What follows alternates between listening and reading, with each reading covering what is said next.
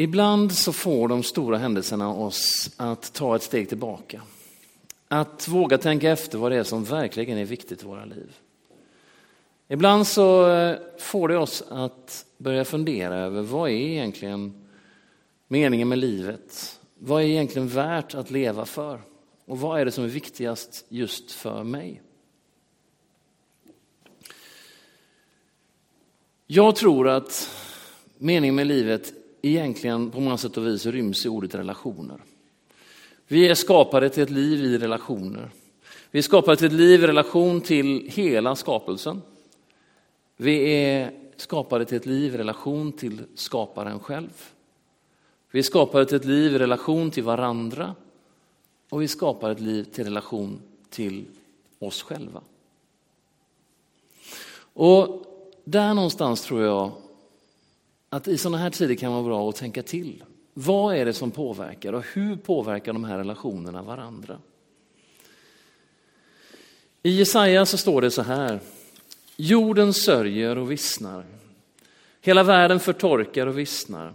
Jordens höjder förtorkar och jorden har vanhelgats av de som bor där. De har överträtt lagarna, kränkt rätten och brutit det eviga förbundet. Dessa svåra, stora ord från Jesaja 24, verserna 4 och 5 vittnar om en slags uppgivenhet nästan. Någonting stort som har skett och som sker runt omkring. Och jag kan ana att den som skriver detta är någon som är beroende av vad marken har att ge. Beroende av det man kan få från Gud och från skapelsen.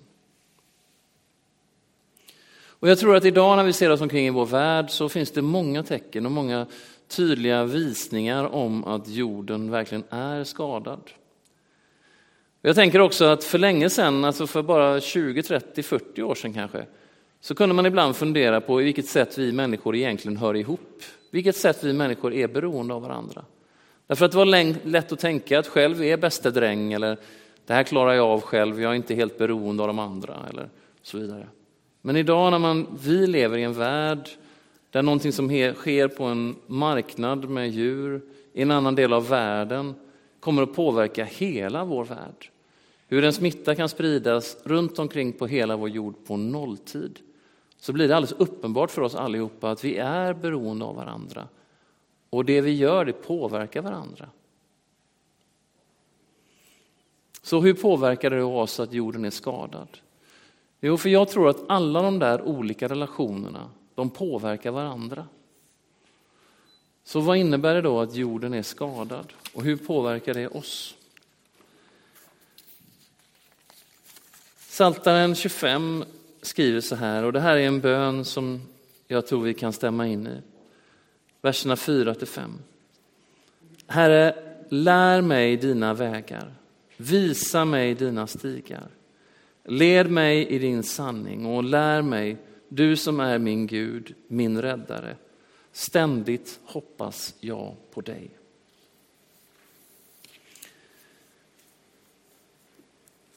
Herre, lär mig dina vägar.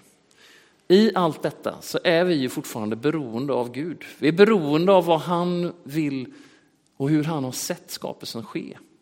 Det finns någonting stort där i att vi är en del av samma skapelse, vi hör ihop och vi är beroende av varandra. Och ibland behöver vi verkligen hjälp att hitta de här vägarna, att hitta de stigarna. Jag tänker mig att visa mig dina stigar, det, den säger också någonting om hur vi ska leta. Stigar är ingenting som det är skyltat med stora billboards dit man hittar, utan stigar är någonting man får söka och leta sig fram, kanske själv. Stigar är någon som har gått före men också sett i att hantera, att komma nära för att kunna se och hitta rätt väg. I höstas så var vi några stycken här från församlingen som hade förmånen att åka ner till Kongo-Kinshasa. Vi fick vara med om många olika saker där och en av de sakerna som vi fick göra var att vi fick åka iväg och se vart några av de pengarna som vi hade samlat in med barnmarknaden hade gått till. Vi fick se ett projekt som Conafed hade gjort ihop med människor och familjer vi fick se konkret hur pengar som vi hade samlat in och som vi hade varit med och gjort möjliga, hur de skulle kunna komma andra människor till del. Vi bemötte då och fick träffa en familj, ett stort familjejordbruk kan man säga. Och så fick vi höra konkret om hur de hade fått hjälp att både utöka sina landarealer men också att få det så mycket mer lätthanterligt. De kunde få hjälp med en traktor och så vidare och hur det här påverkade. Och så kunde jag konkret dra ett streck mellan det vi gjorde här på en barnmarknad till hur någonting förändrades på en annan del av världen. Jag gick åt sidan lite och så pratade jag med en man där och hans son var väldigt nyfiken på mig. Pappan berättade att det var den första vita han såg. Och så fick vi ett samtal där med hjälp av en tolk. Och så berättade, frågade jag honom sådär som man skulle kunna frågat någon på, här i Fiskebäck. Vad, vad är det för saker ni diskuterar mest just hos er? Vad är det för samtalsämnen ni har just nu? Och då berättar han att deras största oro, så pekar han ut, det är just så här att i, så länge vi kan veta, i mannaminne, så länge som vi har historier att berätta om, så vet alla att vi ska plantera jordnötterna när det har kommit två kraftiga regn. Det kommer alltid ett rejält regn och sen så dröjer det ett tag och så kommer det ett rejält regn till. Och då vet vi att nu är det dags att plantera. Nu ska vi sätta våra jordnötter. Och så var det ett par olika växter som hade med detta att göra. Men nu, sa han, så har det för första gången på hur länge som helst inte hänt. Det har kommit någon slags duggregn eller någonting som vi aldrig haft innan. Vi vet inte om regnsäsongen har varit. Och sen så skvätter det lite till häromdagen. Men de här rejäla regnen som jorden hos oss behöver så innerligt för att vara mottaglig för det vi sår, det har inte kommit. Och så säger han att jag tror det är klimatförändringarna som gör det här. Det är någonting som har hänt och det är någonting som gör, de är större än vi och vi vet inte vad vi ska göra. Och så pratar jag med den här pappan där som inte alls har mitt koldioxidavtryck och som inte alls på långa vägar försämrar eller försurar eller smutsar ner naturen som jag gör. Och så hör jag att en del av det som är min vardag och som är vår vardag påverkar honom konkret i en annan del av världen. Och så påminns jag om att vi alla är beroende av varandra. Vi alla hör ihop. Så när skapelsen är skadad, när någonting går sönder, så påverkar det inte bara relationen till skapelsen, utan också relationen till skapelsen och till varandra. Den här personen som jag aldrig träffat, han blir påverkad av något som sker i en annan del av världen. Men jag tror också att på samma sätt blir han påverkad av det vi gör här, en helt vanlig barnmarknad. Han blir också påverkad av att vi är med och ger av oss själva och av vårt överflöd till goda ändamål.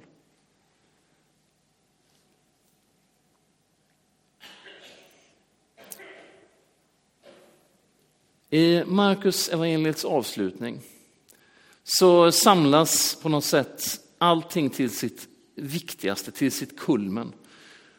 Och då säger Jesus till sina lärjungar och han ger dem en utmaning, en missionsbefallning. Och vi har nog hört de där orden innan. Men lyssna noga nu så kanske ni hör vart hän han riktar sig. Vad han utmanar sina lärjungar i alla tider att gå ut och berätta. Markus 16, 14-15. Sedan visade sig Jesus också för de elva medan de låg till bords och han förebrådde dem deras otro och halsstarrighet då de inte hade trott på dem som hade sett honom uppstånden. Och han sa till dem, gå ut överallt i världen och förkunna evangeliet för hela skapelsen. Gå ut överallt i världen och förkunna evangeliet för hela skapelsen. Många av oss har läst ordet i, från Matteus där det talas om alla folk och det är stort och det är fantastiskt. Men här är det som att Markus han tar höjd för hela skapelsen. Markus utmaning till alla oss som läser hans text långt, långt senare, det är att se att vi inte bara är en del av ett folk eller av en del, utan vi är en del av någonting större än så. Och vår uppgift när vi är med och berättar, när vi är med och ger, det är att förkunna evangeliet för hela skapelsen. Jag tror att det är precis i sådana tider som vi just nu, när det blir ett hårdare klimat, där alla börjar se om sitt eget och alla vill stänga gränser, där man är oro och hellre reagerar för starkt än inte alls. Det är precis i sådana här sammanhang som du och jag ställs inför vägen och valet hur vi ska hantera både de långt där borta, men också de allra närmast. Det är sådana som du och jag som får välja om vi ska söka blicken på våra grannar när vi är utanför. Det är nu vi väljer om vi ska stänga dörren och låsa dörren eller om vi ska gå och fråga om vi kan få hjälpa till.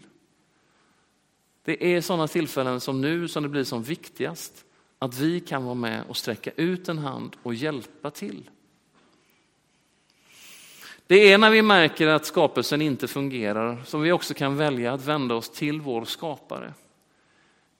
Vi kan göra det och ärligt be om förlåtelse för allt det vi har brutit. Mot honom, mot Gud själv, mot våra nära och kära, men också mot skapelsen själv.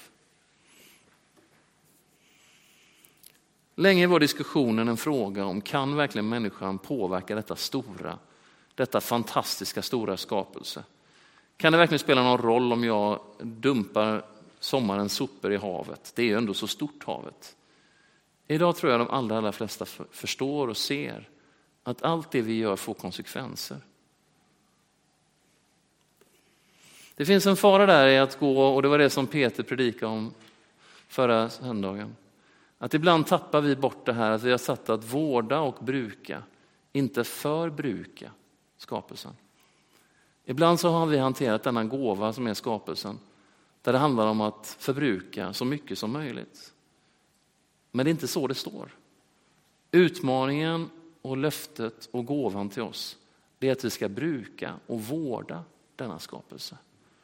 Och är det så att den är bruten, är det så att den är skadad, då påverkar det oss på alla sätt och vis. Jag tror att den här mannen jag pratade med utanför Kimpesse kunde stämma in i att jorden sörjer och vissnar. Jag tror att han kunde stämma in i osäkerheten kring vad det innebär och på vilket sätt som det här är. Men jag tror också att han kunde stämma in i ordet från Saltaren. Herre, visa mig dina stigar. Led mig i din sanning.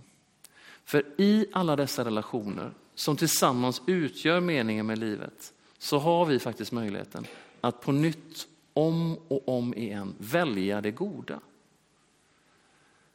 Kanske är det nu när det blir som högst tryck som motståndskraften behövs som allra bäst. Kanske är det precis nu som vi behöver få sträcka på oss, sträcka ut en hand. Att våga fortsätta och be för dem som behöver det som allra mest, men också finnas där på det bästa sättet som vi kan.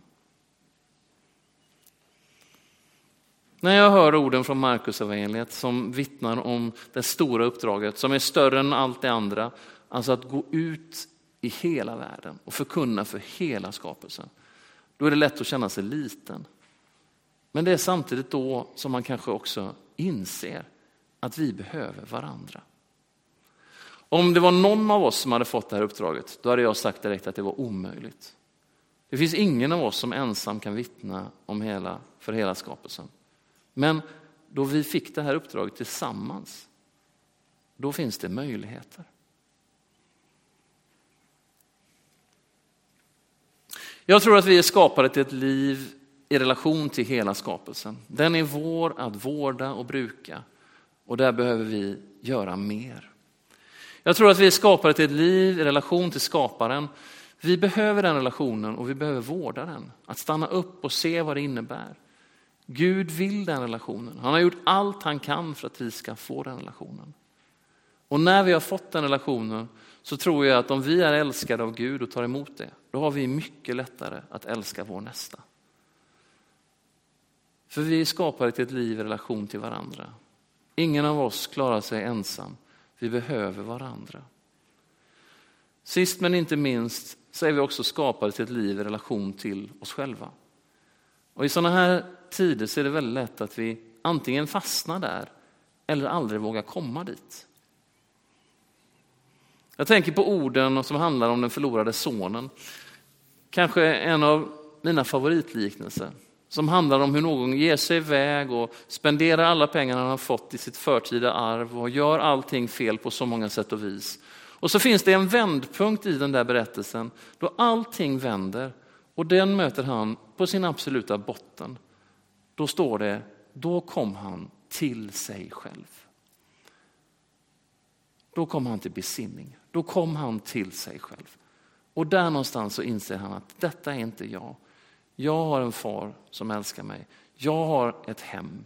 Jag har en plats att höra hemma. Och så började det resan tillbaka för den återfunna sonen. Där tror jag att vi behöver se också oss själva i den här relationen. Vi har inte en skapare som passivt ser på. Vi har en skapare som längtar efter att ha en relation till dig och mig. En skapare som gläds med oss idag när vi får hälsa fem nya medlemmar välkomna.